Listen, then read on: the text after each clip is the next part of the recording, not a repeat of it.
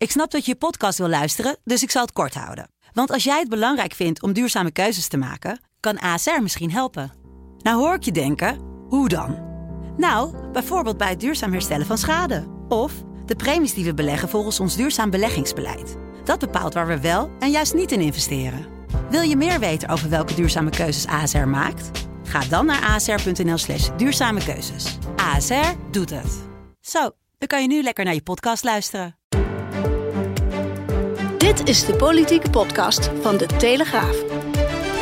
Het zijn allemaal mensen die met relatief eenvoudig werk vorstelijk betaald worden. En die er niet in slagen om de minister op een cruciaal moment te voorzien van de juiste plaatjes. Ik vind het wel fascinerend wat je me daar zo vertelt. Dat was natuurlijk wel echt een vertoning. Ze zijn natuurlijk weer heel boos op mij bij de VVD. Afhameren met Wouter de Winter en Pim CD. Politiek commentator Wouter de Winter, een hele goede vrijdag. Ja, ik wil niet met Aladdin beginnen, maar ik kreeg daar wel de nou nodige weer- berichten hou het- over. Houd Nee, het ja. nou ooit op gewoon. Nee, maar het, Wie dus, verlost mij uit mijn lijden? ja, maar de musicals en theaters het gaat allemaal door, behalve dus grote producties als Soldaat van Oranje en Aladdin. Ja, ja. ja. Nou ja, goed. Nou, eh, het is wel verdrietig voor die mensen natuurlijk allemaal. En, maar dit kan nooit lang meer op zich laten wachten, lijkt mij. Ik nee. denk wel echt dat, er, eh, dat de boel op... eh, eh, ik zie dit niet meer nu heel erg de andere kant op gaan binnen afzienbare tijd. nee, je ziet ook dat andere landen natuurlijk ook eh, verder gaan al met Ja. versoepelingen. Ja, moet je naar Denemarken, moet je naar Aladdin. Kan je een, Ja. beetje, kan je een beetje Deens. Nou, het lijkt wel een beetje op elkaar. Staatsminister nee, zeggen ik- ze ook. Bij Aladdin zeggen ze hele tijd Ik staatsminister. kijk naar Borgen zonder ondertiteling. Ja, dat zeker. Hey, ik wou eh, in de beginnen even het over de eh, bewindslieden hebben die eh, ja, nieuw zijn of een nieuwe post te bekleden. Er kwam een fragmentje voorbij over het eerste debat wat Hugo de Jonge deed als woonminister. En het ging even over de bondigheid van debatteren. We hebben nog 25 minuten te gaan en we hebben nog eh, 11 mapjes. Reken Ik heb al maar wel, ik maar wel uit. het een en ander kunnen integreren voor. Ja, de turbo moet er op een vreselijke manier op, want anders wordt is- het, het lijkt- nachtwerk. het lijkt de woningbouw Vijf, wel. vijf uur is Wordt- echt vijf uur, dus Zeker weten. hurry, hurry, hurry. Dank u wel voor deze aanmoediging eh, als bondigheidscoach. Ehm, hij blijkt nog steeds noodzakelijk te zijn. Sommige dingen veranderen niet. Hè? Ja, weet je wat, wat mij allereerst ook wel opviel? Die, die, die Martin Bosma die, die is ten eerste in staat om toch met een bepaalde ironische, gevatte toon eh, debatten te leiden. Is ook wel een verademing. Ja, ja daar, hij is daar hartstikke goed in. Hij is eigenlijk de beste voorzitter die we, die we niet hebben. Ehm, hij zal nooit voorzitter worden op de plek die nu Vera Bergkamp en eer- eerlijk Khadija Ariep natuurlijk had. Vanwege het feit dat eh, de Kamer niet wil dat een PVV'er op die plek zit en, en het hele land eh, eh, vert- vertegenwoordigt. Ehm, maar ehm, hij kan nou net precies met die kwinkslag die je vaak zo nodig hebt in zo'n debat. Ook om de spanning uit zo'n debat Ja. te halen. Eh, kan hij ehm, ja, de, zaken toch in goede banen leiden. Waardoor iedereen eigenlijk ook met enige re- zelfrelativering ook zo'n debat voert. Dus ook door de jongeren, dat hoor je zo van. eh, hè? Die, dat, die, reageert niet bokkig, maar ook een beetje ja, met humor. Grappig. Ja, ja. ik zeg overigens tegen de luisteraars, mochten ze iets van een boor of, of een hamer of, een, of wat dan ook horen, er wordt hier op de Telegraaf-redactie eh, verbouwd. Maar Ja. volgens mij valt het mee met de geluidsoverlast. En dit podcasthok, dat blijft gewoon staan als, als, als, als baken van... Ja, ik moet altijd dan denken aan die legendarische woorden van Jan de Hoop, eh, de nieuwslezer van RTL. Waarvan ik niet weet of ik hem al honderd keer eerder heb gebruikt, deze anekdote. Maar dat was op een, op een zeker moment dat hij eh, het ochtendnieuws presenteerde. Eh, en je ineens inderdaad allemaal bouwgeluiden hoorde. Daarop dat, volgens mij zaten ze toen nog in het oude pand eh, van eh, de Holland Media Groep. Weet je, niet in het waar ze nu zitten op het Mediapark. En dat hij zei, ik hoop maar niet dat de uitzending te veel stort bij de Ja, bouwwerkzaamheden. precies. Maar dat is wel aardig. Toch een kleine anekdote daarover, want bij RTL Nieuws heb ik natuurlijk ook gewerkt. Ja. En op een gegeven moment gingen ze de camera's automatiseren. Dus dan moest je een code intoetsen. En dan ging de camera naar links, naar rechts, naar boven of naar onder. En er zat, stond dus feitelijk niemand meer achter. En dat wordt natuurlijk als eerste uitgeprobeerd bij het ontbijtnieuws. Ja. En Jan de Hoop heeft inderdaad geregeld gewoon het ontbijtnieuws gepresenteerd. Dat die camera dus in één keer drie meter naar, rechts of naar zwiept. rechts. En dan moest hij elke keer zeggen, nou, ik geloof dat eh, de camera mij even niet, eh, niet bij kan houden. Maar hij ging altijd stoïcijns eh, door. Bijna met pensioen trouwens, Jan de Hoop. Maar als je kijkt naar de bewindslieden ehm, en de nieuwe portefeuilles die ze hebben, of helemaal de nieuwe personen, is er dan iets wat jou al, wat jou al opvalt? Iemand die je meevalt, iemand die je tegenvalt? Nou, het, het, het gaat al best wel van ouw, heb ik het idee. Ehm, de witte broodsweken zijn al voorbij. Die waren misschien al voorbij op het moment dat ze op het bordes stonden. En die arme 89-jarige Groningers met, met mapjes en rollators in de kou moesten gaan staan voor Tja. een 10.000 euro. Dat was eigenlijk wel een behoorlijke eh, gênante valse start natuurlijk voor het kabinet. Eh, maar er gebeuren meer eh, gekke dingen. We zien eh, eh, de nieuwe staatssecretaris voor Cultuur en Media. eh, charismatische vrouw zonder meer. Eh, die het volgens mij ook niet hoeft te doen voor de centen. Dit werk. Dus die, die heeft de uitdaging aangepakt om iets voor het land te doen. Maar liet zich bij Jair eh, Verbeda eh, van, van Bo eh, ontvallen. Dat ze eigenlijk had gezegd tegen iemand dat ze het werk eigenlijk helemaal niet leuk vond. Dus je bent nu twee weken staatssecretaris. En, en ingewikkeld. 2,5 Ja? week. En wel in die doodmoe, 2,5 of niet? Nou, ik moet nog echt, echt... Eigenlijk, vandaag zei ik het voor het eerst. Dacht ik, ik vind het nog niet heel leuk.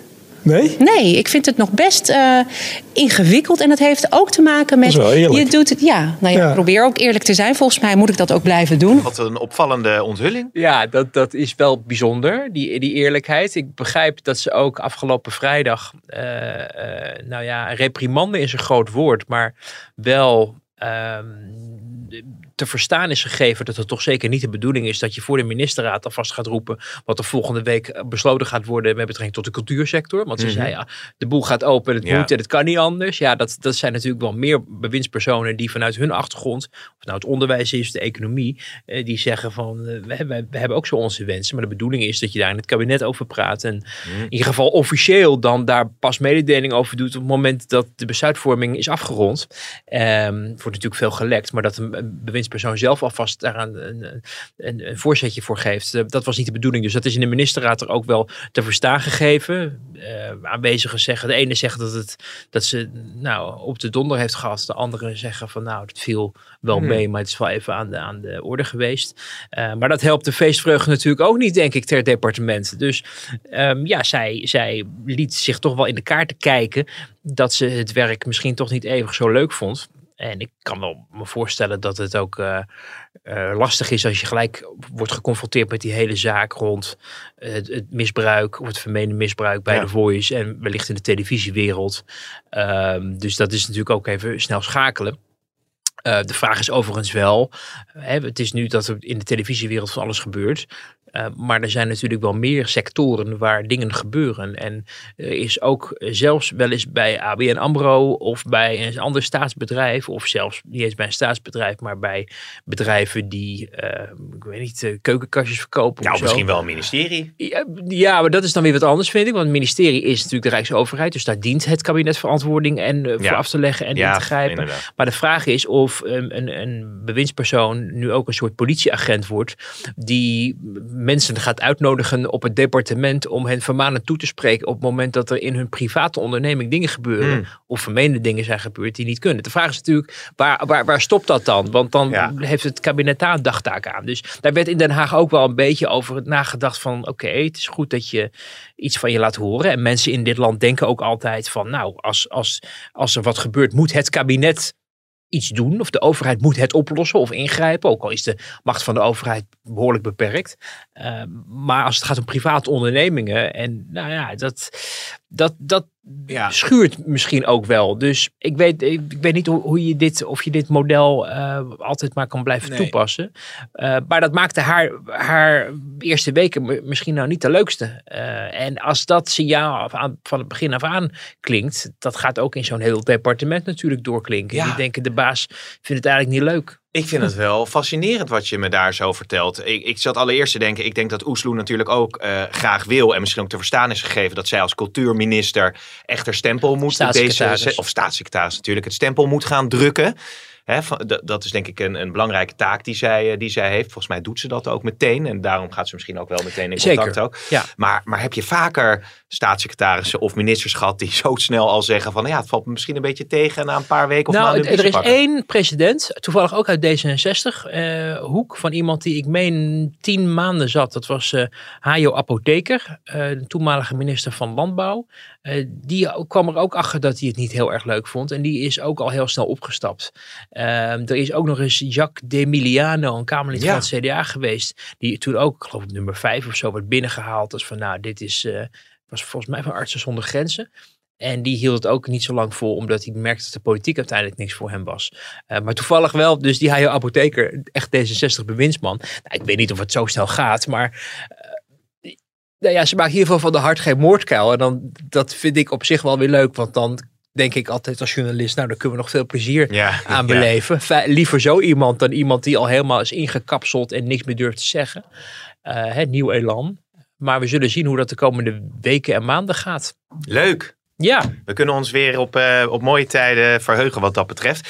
Laten we om te beginnen Sala bespreken. Want Ja. dat is natuurlijk toch een onderwerp wat de hele week al, eh, al speelt in de media. Eigenlijk vanaf vorige week natuurlijk al in het debat eh, over de regeringsverklaring waarin Wilders dat eh, punt aanstipte. Afgelopen dinsdag sprak ik met premier Rutte en vroeg hem ja, wat haar positie nou was binnen de VVD en of ze er al uit waren. Ik deel dat gevoel van Sophie, maar ik kan er verder niks over zeggen. Daar gaan we allemaal duidelijkheid over geven als we ermee naar buiten komen. Nogmaals, ik vind het netjes omdat het over personen gaat er echt pas iets over te zeggen als we iets over te melden hebben. Ik zeg er helemaal niks over tot we verder zijn. Ja, hij zei niet zoveel. Het ging overigens inderdaad over Een goede samenvatting Hermans. van je. Ja, het ging overigens over eh, het eh, interview met Sofie Hermans eh, zondag, waar we het eerder in de video van Afhameren over hebben gehad. ja maar Dat ze voor de mensen die dat niet zat. hebben gezien. Ligt het toe, Wouter? Ja, want dat was natuurlijk wel echt een vertoning. Hè? Laten we wel wezen. Ze zijn natuurlijk weer heel boos op mij bij de VVD. Dat ik Oh ja? de kroonprinses eh, eh, nou, heb weggezet als amateuristisch. Maar je kan het toch echt moeilijk als anders uitleggen. Als je, zoals iemand een, een, uit het kabinet het omschreef tegen mij. Ze hebben de blaasballig op het smeulende vuur gezet bij de VVD. Dit is totaal uit de hand gelopen door, die, door dat interview van Sophie Hermans. Waar trouwens ook in de fractie over gemopperd werd. Die zeggen, je had er nooit moeten gaan zitten. Zeker niet als je kennelijk intern nog bezig bent om iets op te lossen wat nog opgelost moet worden. Wat wij eigenlijk ook niet wisten. Hè? Eh, er is natuurlijk in december commotie over ontstaan. En we, wij hoorden, we merkten toen wel, er is een, een eenkamerlid geweest dat er iets ongemakkelijks of zijn onge- ongemak heeft geuit op Twitter. Um, maar we wisten niet dat daar in de fractie en in die partij kennelijk al over gediscussieerd werd en dat de boel verdeeld was en moeilijk lag. En um, Wilders die zette daar uh, de, de limelight op in de het debat over de regeringsverklaring, hè, toen hij zo nadrukkelijk uitsprak van uh, er zit een, uh, een terrorist, want hij noemde het niet eens een ex-terrorist, maar er zit een terrorist uh, hoog in de boom bij de VVD die iedereen adviseert, de fractie, maar ook de minister-president. En Um, en toen werd het ineens escaleerde het. En dat was ook door de commotie en het optreden van de Kamervoorzitter. Ging het eigenlijk helemaal niet meer over wat hij, wat zijn probleem er nou mee was. Maar nu kwamen we door dat Sophie Hermans daar ja, redelijk onafvolgbaar uh, commentaar opleverde bij, bij WNL op zondag. Uh, ineens achter dat er daar kennelijk uh, een soort, Ja. nou niet een uitslaande, maar nog een, een binnenslaande brand was. Die vervolgens door haar werd aangewakkerd door, door het luiken te openen. Ik heb hier ook een ongemakkelijk gevoel bij. En ik zit hier ook best wel mee uh, in, mijn, in mijn maag. Ja, dan geeft mij dat een uh, ongemakkelijk gevoel. Ik schetste dat ongemakkelijke en je mm -hmm. kan er uh, op een hele rechtsstatelijke manier naar kijken. Hè? Uh, veroordeeld, straf uitgezeten, punt. En toch hou ik iets, houden wij iets ongemakkelijks. Ik vind het uh, ongemakkelijk, maar ik zei al, een ongemakkelijk gevoel. Wij vinden dat toch wel interessant om daar dan kennis van te nemen. Maar het was natuurlijk echt, het getuigde van groot amateurisme. Om dat in ieder geval om te gaan, te gaan zitten en dan vervolgens met zo'n wijfelend antwoord te komen. Terwijl je weet dat het aan de orde zal komen ja, in zo'n interview. Dan slaat het ook zelfs terug dus op de premier in dit Ja, geval. en moet hij zich daar premier, dus, ja. eh, dus Ja. eh, voor, eh, voor verantwoorden. Uh, Soumaïa Sala die natuurlijk eh, veroordeeld is geweest voor deelname of lidmaatschap van een terroristische organisatie, de Hofstadgroep, en ook voor verboden wapenbezit. Ja. Wat is daar nou, hè, Bolkestein wordt natuurlijk als mentor veelvuldig genoemd. Hoe kan het nou dat dit zo lang dat smeulende vuurtje is gebleven? Weet je, dat heb ik me ook zitten af te, vragen. En we hebben er ook uitgebreid met Wilders over gesproken. En ook als je met hem erover spreekt en hoort van wat, wat is zou zijn, zijn bezwaar. Hij gelooft dus niet dat je kan deradicaliseren. Hij gelooft niet dat mensen die dat hebben gedaan een tweede kans verdienen op dat niveau. Uh, hè, laat ze maar iets anders gaan doen, maar niet uh, de, de grootste partij van Nederland adviseren op nationale veiligheid notabene. Uh, hij zegt dat zijn eigenlijk hetzelfde als een, een, een pedofiel laten adviseren over de kinderopvang. Of, of ja, iemand, een, een pyromaan over de brandweer Weet je, het is, gewoon, het, is, het is gewoon heel moeilijk. En als je met hem spreekt en je hoort hem ook die belevingswereld schetsen.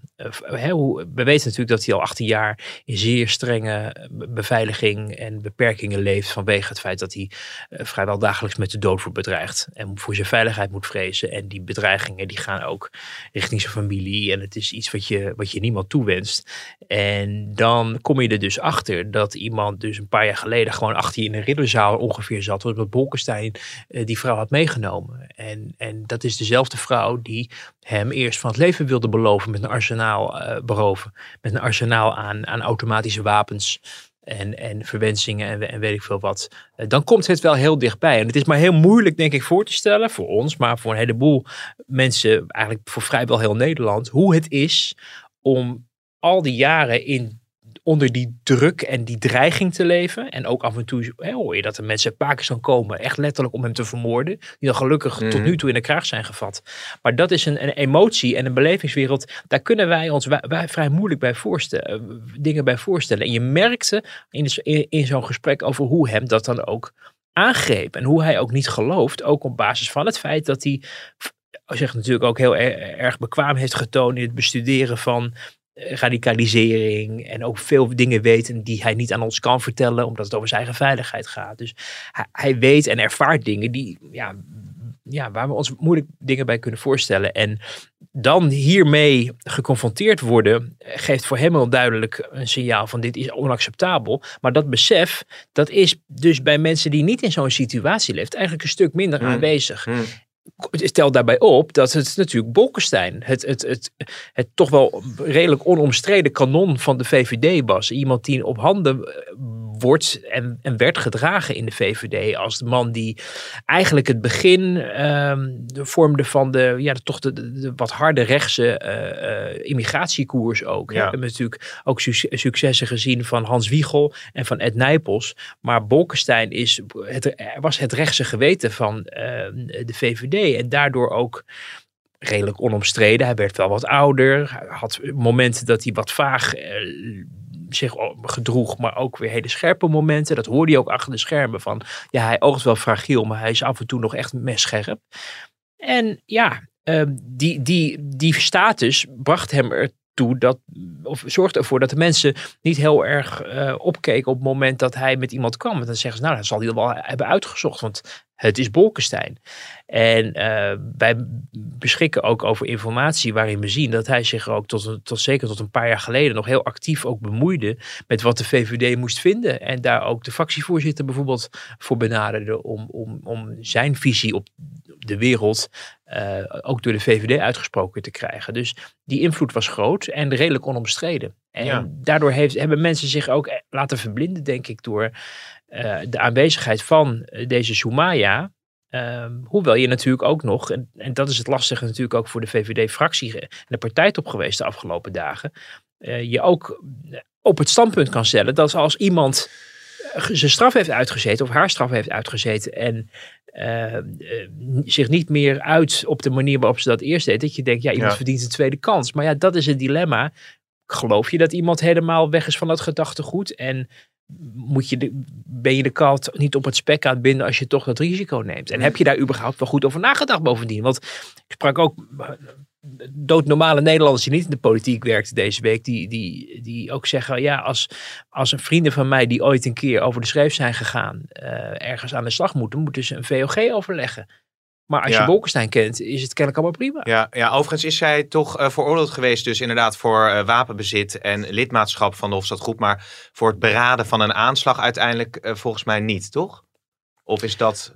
Nou, ik weet niet, dat zal in de perceptie van Wilders misschien niet veel, niet veel uitmaken. Nou ja, ze is in ieder geval veroordeeld voor, voor lidmaatschap van ja. een terreurorganisatie. Ja. En die terreurorganisatie dankt de naam natuurlijk al aan het feit dat ze terreur willen plegen. Uh, en uh, ja, um, het, het leek... ik snap wel dat Wilders daar nee. dat, dat, die, dat wel afrondt naar boven. Is het, is, het, is het, want we kunnen zo nog uh, verder gaan op haar positie binnen de, binnen de VVD. Maar wat ik me wel afvroeg, want je hebt misschien bij Wilders, omdat hij zo vaak heel scherp in de debatten op dit thema is natuurlijk, is misschien een eerste reflex die mensen zullen hebben van ja, daar, daar, daar gaat hij weer om zijn punt te scoren. Terwijl er dus ja. wel degelijk een, een, nou ja, wat je zoals jij ook schetst, hele grote zorgen bij ja. leven. Maar misschien is juist die toonhoogte Ja. belemmert misschien het punt dat hij wil maken. Ja, dat, en ik, ik denk ook wel dat, dat dat wel een rol heeft gespeeld hoor. Want eh, dat is aan de ene kant de kracht, maar ook de zwakte van Wilders. De kracht is dat hij eh, er keer op keer in slaagt om buiten de gebaande paden te treden. Om eh, de aandacht op zich te vestigen. En soms dus ook heel ja, succesvol dingen aan de orde te stellen. Ehm, aan de andere kant, je raakt een beetje murf geslagen op het moment dat je de misthoorn weer hoort loeien. Als dat Mm. een beetje vaste prik is geworden. En dat, dat zag je ook in, in Den Haag eh, gebeuren. Eh, vooral eigenlijk tijdens Rutte 2. Dat mensen op een gegeven moment dachten van ja, laat hem maar uitrazen. Eh, dan dan heb met algemene beschouwingen niemand interrumperen. En dan kon hij na acht minuten weer gaan zitten. En, en dat was toen de modus operandi van hoe men met hem wilde omgaan. Maar er is voortdurend ook natuurlijk eh, discussie bij allerlei politieke partijen van moet je iets wat onacceptabel eh, is volgens hen onweersproken laten. Dus dat is dan, dan zeggen ook mensen nee, dan moet je iets tegen inbrengen. Nou, je ziet nu dat men, mensen dat ook probeerden tijdens het debat over de regeringsverklaring. Een beetje een soort gezamenlijk front, vooral ter linkerzijde, die dan de voorzitter ook een beetje de schuld gaf van jij moet Ja. ingrijpen. Ehm, nou ja, de voorzitter heeft niet zoveel gezag of eigenlijk geen gezag of probeert eraan te werken. Eh, en, en ja, dat leidde toen tot een escalatie. Maar door al die commotie ging het inderdaad helemaal niet meer om. Als je even een stapje terugneemt, van ja, wat wordt, wat, waar is hij nou eigenlijk zo bezorgd over? Ja. Daarom is het interessant ook om met hem, en we hebben een, een, eh, een eh, interview met hem in de krant, om van hem ook te horen hoe hij dat beleeft en waarom hij hier zo op hamert. Ja, uiteindelijk is er een eh, ontmoeting geweest eh, tussen Wilders en uh, Jezilgus. Hè? Die zijn weer helemaal eh, happy met elkaar. Ja, nou kijk, dat was natuurlijk, eh, ik bedoel, we, we hebben net eh, uitgebreid gesproken over zijn, eh, zijn angst voor eh, terreur en, en de, de verschrikkelijke bedreigingen die hij krijgt. Maar het is ook niet zo dat alles wat hij twittert en zegt, dat dat eh, vind ik eh, betamelijk is. Ik, vind, ik vond het, het verwijt van ja, de VVD wil me het liefst onder het gras hebben of zo. Vond ik, het was kwaadaardig. De, de bewering dat Jezielgus uh, voorberei voorbereidingen zou treffen om zijn beveiliging weg te nemen, is gewoon echt niet waar. Dat weet hij ook zelf ook wel. Maar de achterman vindt het prima kennelijk. En, en zweept, hij zweept daarmee ook zijn volgers weer op op Ja. Twitter. Maar het was een, eh, een, ja, zeer onfatsoenlijk en ook ongegronde uitspraak. En je ziet nu in die reactie, naar aanleiding van het gesprek wat hij met Jezielgus heeft gehad, dat hij het ook niet meer herhaalt. Nee, nee. En maar hij zegt alleen maar wat een goed en prima en fijn gesprek. Uh, daarmee kan je ook wel concluderen dat hij op dit punt weer in zijn hok is. Maar dat niet natuurlijk publiekelijk wil uiten. Want zoals ik ook wel vaker heb gezegd, hij heeft één stelregel in de politiek. Dat spijt in de politiek zinloos is. Dus dat zal hij nooit uiten. Dus hij zal er ook nooit op terugkomen. Ja, ja. Um, ik uh, zag een verhaal in de krant op deze vrijdag. Uh, waarin uh, NCTV-topman, oud-NCTV-topman of NCTV-topman Paul Abels, inlichtingen-expert. Die zegt de partij, de VVD dan, die helpt de in een kwart eeuw opgebouwde brede benadering in het contra terrorisme om zeep.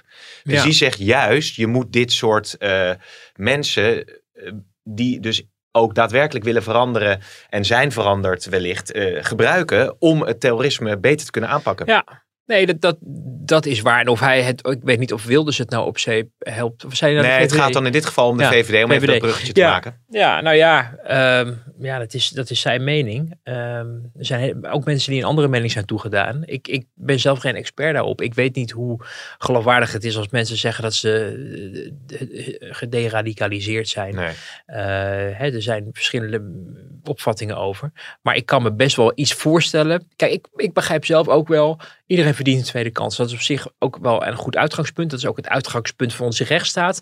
Mensen begaan overtredingen, misdaden, wat dan ook doen daar boete voor. En dan is de bedoeling van ons rechtssysteem dat mensen daar dan ook spijt van hebben en het niet nog een keer zullen doen. Dat is de reden ook waarom ze straf krijgen. En bij haar was er wel degelijk twijfel of zij erkende ja. dat zij over de schreef was gegaan. Omdat zij uh, het had over showproces en, en in tegenstelling tot die Jason Walters kennelijk nooit duidelijk, duidelijk afstand heeft genomen daarvan. Dus dat daar twijfel over is, ook bij bij Wilders, maar ook kennelijk bij een groot deel uh, van de VVD, uh, vind ik niet zo gek. En ik kan me ook wel iets voorstellen bij het feit dat je zegt: oké, iemand kan, heeft iets heel ergs gedaan en heeft daar boete voor gedaan. Uh, maar dan kom je toch weer uit bij het adagium van: oké, maar dan moet je hem dan per se, of die, haar dan per se, op zo'n plek Ja. zo nadrukkelijk diep in die partij Ja. laten gaan. En er zijn sommige mensen die zeggen van, ehm, eh, ook, ook rond, rond de VVD-top hoor je dat wel, van eh, ja, eh, iedereen kan in een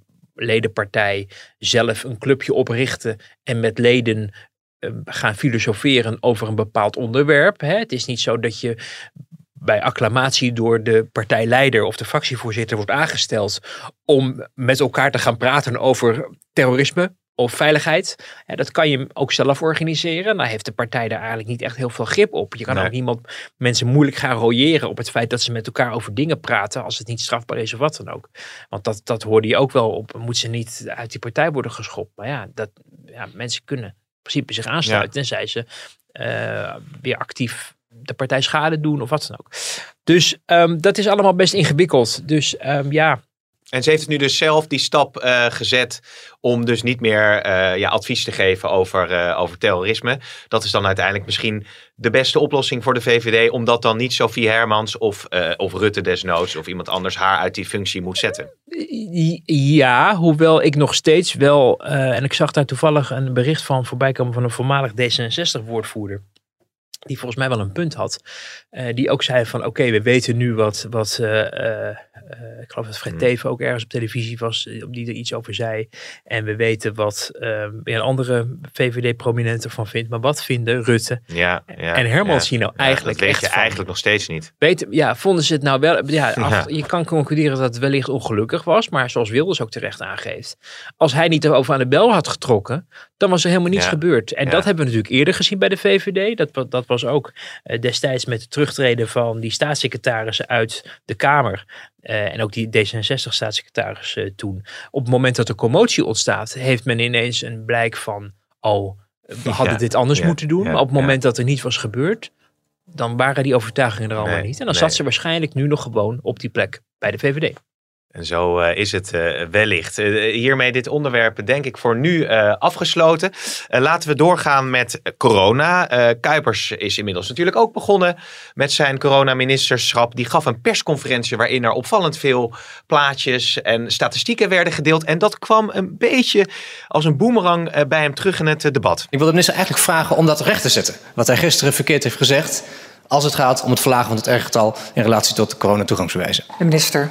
Voorzitter, ehm, wat ik niet wil rechtzetten is wat ik gisteren gezegd heb. En ik heb gisteren gezegd dat de impact van corona-toegangsbewijzen volgens het onderzoek van de TU Delft kan oplopen tot 15 procent. Ja, voorzitter, dan vind ik echt dat de minister de kluit belaan zit. En sorry dat ik dat zo zeg. Maar dat, doet- dat doet hij wel. Ja, meteen heel, eh, heel scherp hè, dit. Mag ik overigens als eerste daar even over opmerken dat als we het hebben over onderlinge omgangsvormen in de Kamer, Mhm. eh, we niet alleen maar hoeven te kijken naar Forum voor Democratie en de PVV, maar ehm, een, een, een SP-Kamerlid dat zegt dat de minister de, kluis, Ja. de, de kluit belazert, het moet een motie van wantrouwen indienen en hem wegsturen. Ja. Eh, of in ieder geval een poging daartoe doen. Want, want dit is nou precies ook. eh, Als je, als je kijkt naar Den Haag in Den Brede, dan valt ook daar een verantwoordelijkheid, vind ik. eh, de omgangsvormen, de manier waarop je je uitspreekt. Kijk, ik, ik, ik ben niet van suiker en ik denk Ernst Kuipers ook niet. Dus die overleeft dat persoonlijk wel. Maar ehm, het, het, draagt wel bij aan. Ja, een beetje Ja, dus ik vond het ook opvallend grote taal. Het ging over het eh, dempende effect van het invoeren van 3G. Kuipers had gezegd dat het een dempend effect tot 15% kan hebben. Maar omdat het in Nederland op heel veel plekken niet wordt ingevoerd, haal je die 15% waarschijnlijk sowieso niet en kom je eerder terecht Zeker. bij En, 5%. bedoel, en Dus over dat dat, was het punt. dat, daar kan je natuurlijk uitstekend over debatteren en, en van aangeven van ja, dit klopt niet. Maar de toonhoogte is, Ja. eh, vond, ik, eh, ja, vond, ik, vond ik ongepast. Eh, misschien dat hij dat ook niet meer eh, zal doen de volgende keer, eh, Maarten Heijink. Want het is op zich wel een goed Kamerlid. Dus daarom verbaast het ook zo. Dat ik denk, ja, Ja. trap je eigenlijk in de, in de val die anderen verwijt. Maar goed, ehm, Ja, het gaat Even over die inhoud. Ja, Exact, ja. ja. nee, de, de, de, de, daar zit natuurlijk wel een kwetsbaarheid in. En wat interessant is om te zien nu, we hadden het net al over de witte broodsweken van de nieuwe bewindspersonen. Nou, die zijn voor Ernst Kuipers dus al voorbij. Het eerste teletextbericht eh, stond er Kuipers onder vuur of zo. Dat je denkt, teletext, dames en heren, is een medium wat eh, eigenlijk hoofdzakelijk door mensen die in Den Haag werken nog gebruikt worden als Boven een de soort 50? informatie. Nou, nou, dat zijn we nog niet. ik ook nog. Dat Pagina zijn we nog niet. 704, het weerbericht. hè? Ja, ja. Nou, 818, Voetbal 1 en zo. voetbalprogramma, Maar, ja, het, het was eigenlijk al redelijk vroeg in het proces twijfel over de woorden van de minister van Volksgezondheid. En nou ja, je merkte ook wel dat dat eh, is opgemerkt in Den Haag.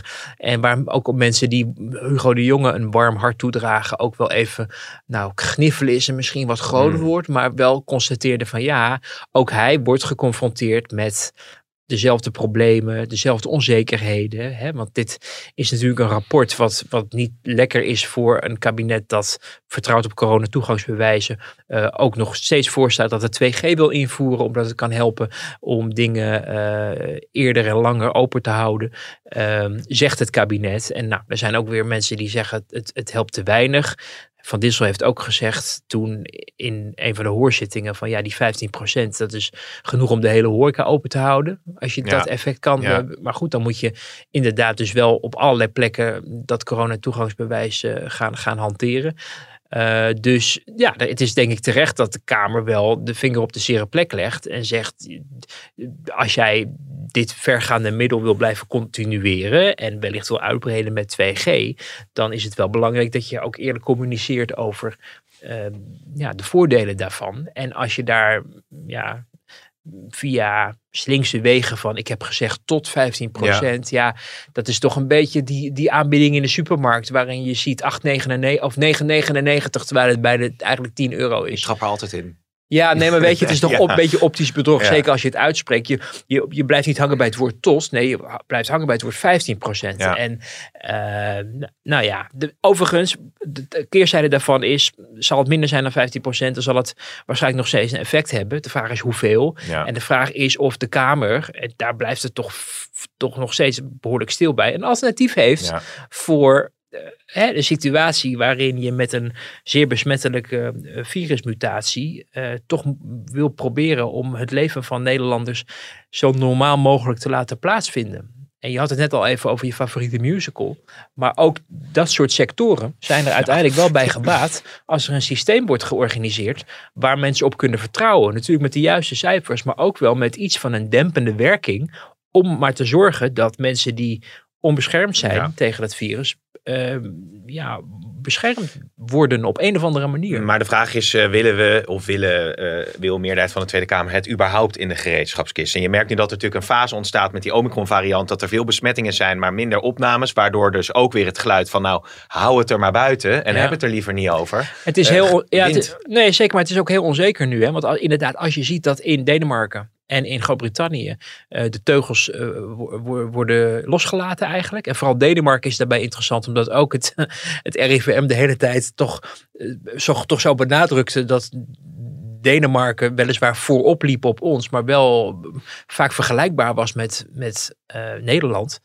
Eh, ja, dan wordt het wel pijnlijk op een gegeven moment als die alles loslaten en wij dat niet doen. Want Ja. dan kan je ook met argumenten zeggen, ja, maar meneer Van Dissel heeft zelf altijd naar Denemarken verwezen. Nu doen ze dat en nu gaan wij weer een betere koers varen of zo. Ja. Net als we deden Ja. met die lockdown die niemand in, in Europa had. Ja, precies. Maar ja, goed, ze willen het in ieder geval voorbereid zijn. Dat is ook wat Kuipers heeft aangegeven op eventuele eh, nieuwe golven in, eh, in de toekomst. Dus deze discussie wordt ongetwijfeld vervolgd. Maar er was nog een ander punt wat ook speelde. Hè. Dat was ook zo'n grafiek met een poppetje. Waarin er werd gezegd van nou, de, de eh, geboosterde patiënt die heeft maar zo weinig kans om daadwerkelijk op de IC te belanden. En ook daarvan bleek weer dat dat verschillende data waren. Ja. Dat je dat procentueel niet helemaal met, Ja. met elkaar kon vergelijken. Ja, dus dat, dat vind ik wel echt een, een, een. We hadden het net al even over amateurisme, maar dat kan je echt wel het kabinet verwijten hoor. Het is echt ongelooflijk dat er tientallen, honderden mensen bij de Rijksoverheid werken om aan over communicatie na te denken. En over tuttige dingetjes als dat het mannetje de, en zijn handen wast op het, op het, op het katheder van eh, de minister-president. En het plaatje wat achter in beeld is als Kuipers het woord voert dat je iemand met een mondmasker ziet. Het is, er zijn allemaal mensen die, die met ja, voor volgens mij relatief eenvoudig werk vorstelijk betaald worden. En die er niet in slagen om de minister op een cruciaal moment te voorzien van de juiste plaatjes. Tenzij de minister daar zo erg zijn eigen stempel op heeft gedrukt dat hij eh, die, al die communicatiemedewerkers aan de kant heeft gezet. Maar dat lijkt mij wat onwaarschijnlijk. Zou ook wel wat merkwaardig zijn voor iemand die op, met zijn staat van dienst de afgelopen twee jaar ook via die, uh, hè, die beddenspreiding natuurlijk ook regelmatig ook dit soort presentaties heeft gegeven en persconferenties Ja. heeft gegeven. Dus je zou mogen weten dat hij weet waar hij het over heeft. En dat hij ook hij als academicus geconfronteerd met de voorbereiding voor eh, de persconferentie ook wel denkt: hey, wat is hier, wat staat hier op de y-as, wat staat hier op de x-as, en welke datum? Ik bedoel, dat zijn dingen, dat is ongeveer statistiek. Ja. Is het statistiek? Ja. Ja. Moeilijk vak was dat eh, altijd. eh, enorm. Maar hij moet op zijn ambtenaren ook kunnen vertrouwen, natuurlijk. Als, Ja. Want hij krijgt weet ik veel hoeveel gegevens. En je mag ervan uitgaan dat dit... Want nu zag ik dus Maurice de Hond eh, alweer eh, op social media verschijnen. Van ja, daar klopt allemaal niks van. Dus je krijgt natuurlijk een enorme boemerang in je gezicht terug... Ja, als je ja, statistiek dat- gaat delen die niet klopt. Oké, niet maar kloppen. ja, maar ja. Ehm, er zijn ook wel mensen die zeggen dat Maries de Hond wel eens dingen heeft beweerd die niet helemaal kloppen. Maar dat, eh, dat geheel terzijde. Maar goed, in ieder geval is het voor Kuipers meteen handschoenen aan... om zijn eh, nieuwe ministerschap in goede banen te leiden. Er was jou nog iets anders opgevallen, Wouter... als het gaat over de communicatie onderling tussen Kamerleden. En dan gaat het over Artje Kuiken versus Caroline van der Plas. Ik zat even te aarzelen, want er kwam toch wel een hele hoop onzin uit in vier minuten. Eh, ten eerste, het coronatoegangsbewijs is er vanaf, vanaf 21 september. Het handhaven van de basismaatregelen is al vanaf het begin af aan een crisis. Eh, Denemarken heeft hele zware maatregelen gehad. Onder andere coronatoegangsbewijzen, overal testen, overal mondkapjes. Ierland, idem dito. Nou, ten eerste eh, neem ik afstand eh, van de eerste woorden van eh, mevrouw Kuiken. Die zegt dat er een hoop onzin uitkomt in vier minuten. Dit is een trucje wat vaak eh, gedaan wordt in eh, de Kamer om eh, een soort van rare twijfel te zaaien. Mevrouw Kuiken is gewoon niet met me eens. En dat kan. Oh ja, inderdaad, eh, Wouter. Ja, dit was. eh, je, je zou er eigenlijk nog eh, het, het verhaal van Caroline van der Plas, maar dat kan je op plenaire verslagen van de Tweede Kamer nog even teruglezen. Wat zij allemaal eh, zei. Ik zat ook dat te volgen en ik dacht wel bij mezelf: van ja, zij zei ja, er had veel meer in moeten worden gezet op de basismaatregelen. Dat Ja. was haar belangrijkste punt. Dat ik dacht, ja, maar met alle respect, maar als nou één ding waar we toch helemaal mee zijn doodgegooid als natie, is dat het kabinet zei, je moet je aan de basismaatregelen Ja. houden. We hebben mensen uit het OMT eh, ongeveer huilend daarom zien smeken in allerlei persconferenties en optredens in de media. Eh, we hebben, eh, voor als ik, me, ik heb hier nou wel eens een, een imitatie gedaan van een, een ChristenUnie-Kamerlid. Oh ja, hoe ging die ook alweer? Ja, dat was ook eentje die ook stond, ongeveer stond te huilen van laten we ons aan de basismaatregelen houden. Dan hoeft dit allemaal niet, weet je. Het, maar dat werkte dus gewoon niet. En dan kan je nog wel een keer zeggen, ja, het kabinet had veel meer in moeten zetten op de basismaatregelen. Maar dat vind ik wel even iets te Ja. makkelijk. Als je dat nu nu nog steeds gaat roepen dat het kabinet het verkeerd heeft gedaan, omdat ze daar meer op hadden in moeten zetten. Want daar zijn we echt mee doodgegooid. Echt waar. En toen was haar eh, vervolgens een punt waar ze nog eh, op doorging, is dat de matrixborden boven de snelweg moeten worden, Hmm. voor de helft moeten worden vervangen. Niet alleen omdat er nu staat van, u moet, eh, blijf zoveel mogelijk thuis. Ja, die staan En er. staan hè? er nog steeds, maar dan moest het van, van kijk om naar elkaar of zo. Oh ja, ging ze er een hele discussie met, met Mark Rutte over voeren. Het is heel gevaarlijk op de snelweg. Kijk om naar elkaar. Dan gaat iedereen naar de achter kijken. En dan heb je allemaal kettingbotsingen te pakken. Bijvoorbeeld, maar Rutte zei toen van nee, dat, dat, dat gaan we niet doen. Want eh, de experts vertellen ons dat je de boodschappen die je op die matrixborden zet, vond ik trouwens op zich wel, wist dat allemaal niet. Eh, maar dat je die zoveel mogelijk moet beperken tot dingen die ook echt eh, betrekking hebben op het wegverkeer en op vervoer. Ja. Dus niet over van kijk vanavond naar 1 en 2 vandaag. eh, nee, Pim, Pim CD vandaag of zo. Of, of eh, heeft u uw dodo-carniceel al ingevuld? Ja, Want dat, is, dat dat, leidt leidt, af. En Ja. de, de les die, zei Rutte, ehm, is meegegeven vanuit de experts is... hou het zoveel mogelijk bij, ehm, eh, ja, bij verkeersveiligheid. En, en nou, toen dreigden ze nog met een motie daartoe in te, hè, dat de matrixborden meer naar elkaar om- omkijken moesten afgeven. En uiteindelijk is het er Oh, niet is van niet ingediend, die Nee, motie. uiteindelijk is het er niet van gekomen. Maar ik dacht wel van ja, dit zijn nou weer die dingen eh, die leuk klinken en voorstelbaar en aanraakbaar zijn voor veel mensen. Want iedereen weet wat een matrixbord is boven een snelweg. Maar uiteindelijk, eh, dit zijn niet de oplossingen die Nederland aan die, uit die, die verschrikkelijke crisis Ja, moeten helpen. ja, ja, het zijn toch weer de dingetjes eh, in plaats van de, ja, de, de, de fundamentele discussies over bijvoorbeeld 2G, die langzamerhand overigens wel een beetje begint los te komen, moet ik eerlijk eh, zeggen. Maar ik vond dit met al die hele motiebrei van het kabinet moet nog even dit, het moet nog even dat. Ik was al bang dat iemand ook zei, kunnen we niet een kwartier later nog de, de horeca openlaten, want dat is toch beter, want dan kan de mise en place hoeft niet te vroeg. Weet je, het is allemaal details zijn het. Ja, ja, en ik kan me de irritatie bij Artje Kuiken misschien wel voorstellen dat hij natuurlijk ook al vorig jaar zich heel hard heeft gemaakt eh, voor het invoeren van eh, eh, strenge maatregelen per direct om toen de dreigende Omicron-opkomsten te beteugelen. Je ziet aan de andere kant, dus ook als je dinsdag natuurlijk in Den Haag loopt, zie je natuurlijk alle fractievoorzitters, partijleiders van de kleinere partijtjes rondlopen om ja, voor de bühne natuurlijk alles te kunnen zeggen. Ja. Van Haga zei ook toen vorig jaar, toen, toen, toen enorme hoge opnames waren op de IC's. Van ja, maar als Marcel Levy eh, minister van Volksgezondheid wordt. niet. En Wilders zei van ja, maar als we die Portugese generaal gaan volgen. Ja. Nou, dan is het in één keer voorbij met de coronacrisis. Hoe zou het gaan eigenlijk nu met die Portugese Ja. generaal, vraag ik me af. Ja, ik geloof niet dat dit Portugal nou nog heel erg goed ging. Het is Eh, toch eigenlijk, het is, het is, het is wel ja. Maar goed, overal zijn de besmettingen natuurlijk verschrikkelijk gestegen. Het gaat erom, ehm, vind, denk ik nog steeds, even los van de werkdruk voor, ziekenhuizen en het zorgpersoneel, waar je natuurlijk eh, heel erg mee meeleeft. Maar de, de beelden toen uit New York, waarin de, de trailers met koel, de koelwagens klaar stonden om alle lijken te verwerken. De massa begraafplaatsen, waar daar las ik laatst nog wat over, die daar eh, moesten worden ingericht. Ja, dat heeft wel, dat maakte de echte indruk. Ja. En, en dat hebben we volgens mij in Europa eh, gelukkig ook tot nu toe niet gezien. Nee, nee. We pakken nog een ander onderwerp eh, mee. Eh, was ook uit dat coronadebat, maar het gaat Hoewel specifiek- Italië, ik zeg dat niet, Nou, maar ik, Italië ik wou dat nog wel- zeggen. Italië Ja. en Bergamo en wa- waren Oh, natuurlijk God. ook de beelden wel. eh, Disclaimer wel mensen. Disclaimer. Moet zo op je woorden passen tegenwoordig. Ja, dat is ook mensen, zo, Ja, heb je dan Italië wel gekeken? Denk ik, oh, rustig in- inderdaad. Nou, dat is duidelijk dan eventjes meteen rechtgezet. Ehm, het andere onderwerp, de oorsprong eh, kent zich in dat coronadebat. Want er was een heel opmerkelijk moment aan het einde van het debat. waarin Freek Jansen het woord eh, nam en nog even dit zei. Dank u wel. Daarmee zijn we aan het einde gekomen van, eh, van deze beraadslaging. Maar niet voordat ik de heer Jansen nog even het woord geef. Ja, mag ik de minister een compliment geven? Want ik vind dat hij bijzonder prettig dit debat aangaat, luistert en ook echt antwoord geeft. Dat wou ik toch even gezegd hebben. Heel erg bedankt. Voorzitter, dank. Ja, waar komt dat nou weer vandaan, hè?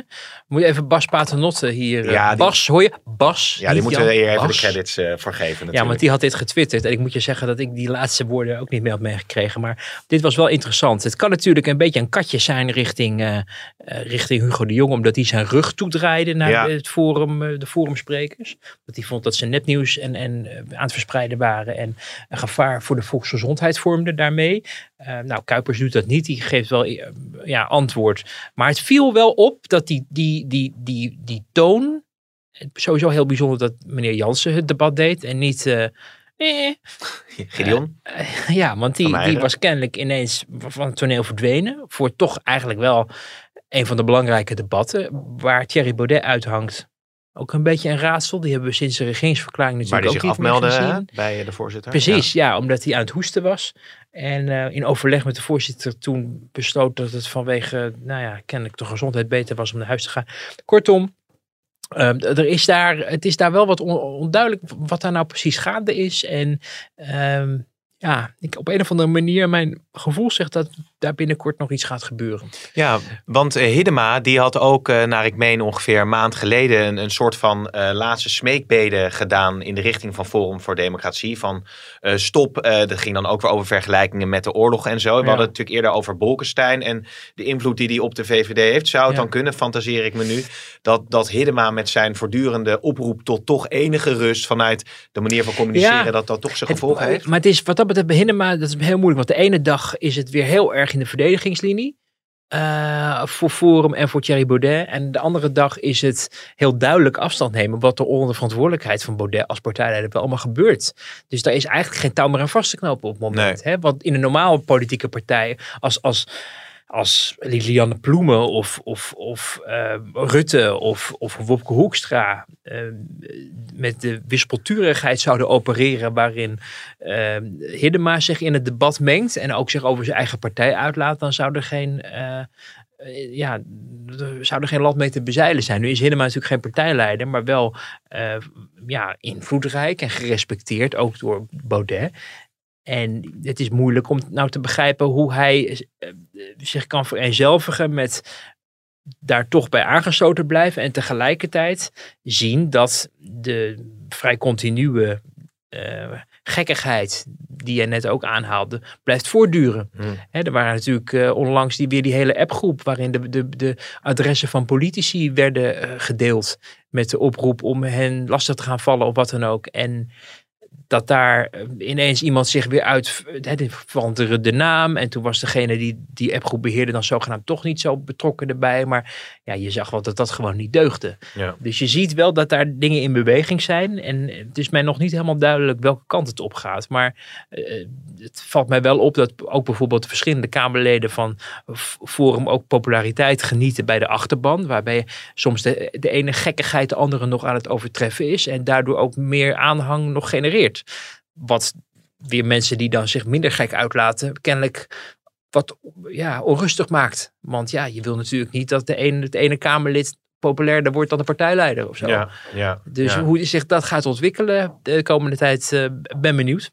Ja, we gaan dat uh, afwachten. Is er nog iets volgende week waar wij ons uh, specifiek op richten? Uh, deze week natuurlijk hadden we ook al de grote onrust natuurlijk over het conflict tussen Rusland en Oekraïne. Is het volgende week dat Rutte en Hoekstra naar Oekraïne gaan? Een afspraak die ja, al stond? Begin, begin februari is dat ja. de bedoeling. Dus dat komt nu wel heel erg dichtbij. Dat was overigens een afspraak die al stond, begreep ik. Maar nu natuurlijk extra gewicht krijgt vanwege de ja, de, de spannende situatie daar. En uh, nou ja, we moeten elkaar uh, niet aanpraten dat Nederland hier de beslissende stem in heeft. Je ziet dat Nederland dan wel heel duidelijk zegt van ja, we zijn een van de founding fathers van de NAVO. En uh, nou, we hoeven elkaar ook niet kleiner te maken dan we zijn. Maar het, het conflict is natuurlijk, het gaat natuurlijk tussen de Amerikanen en de Russen.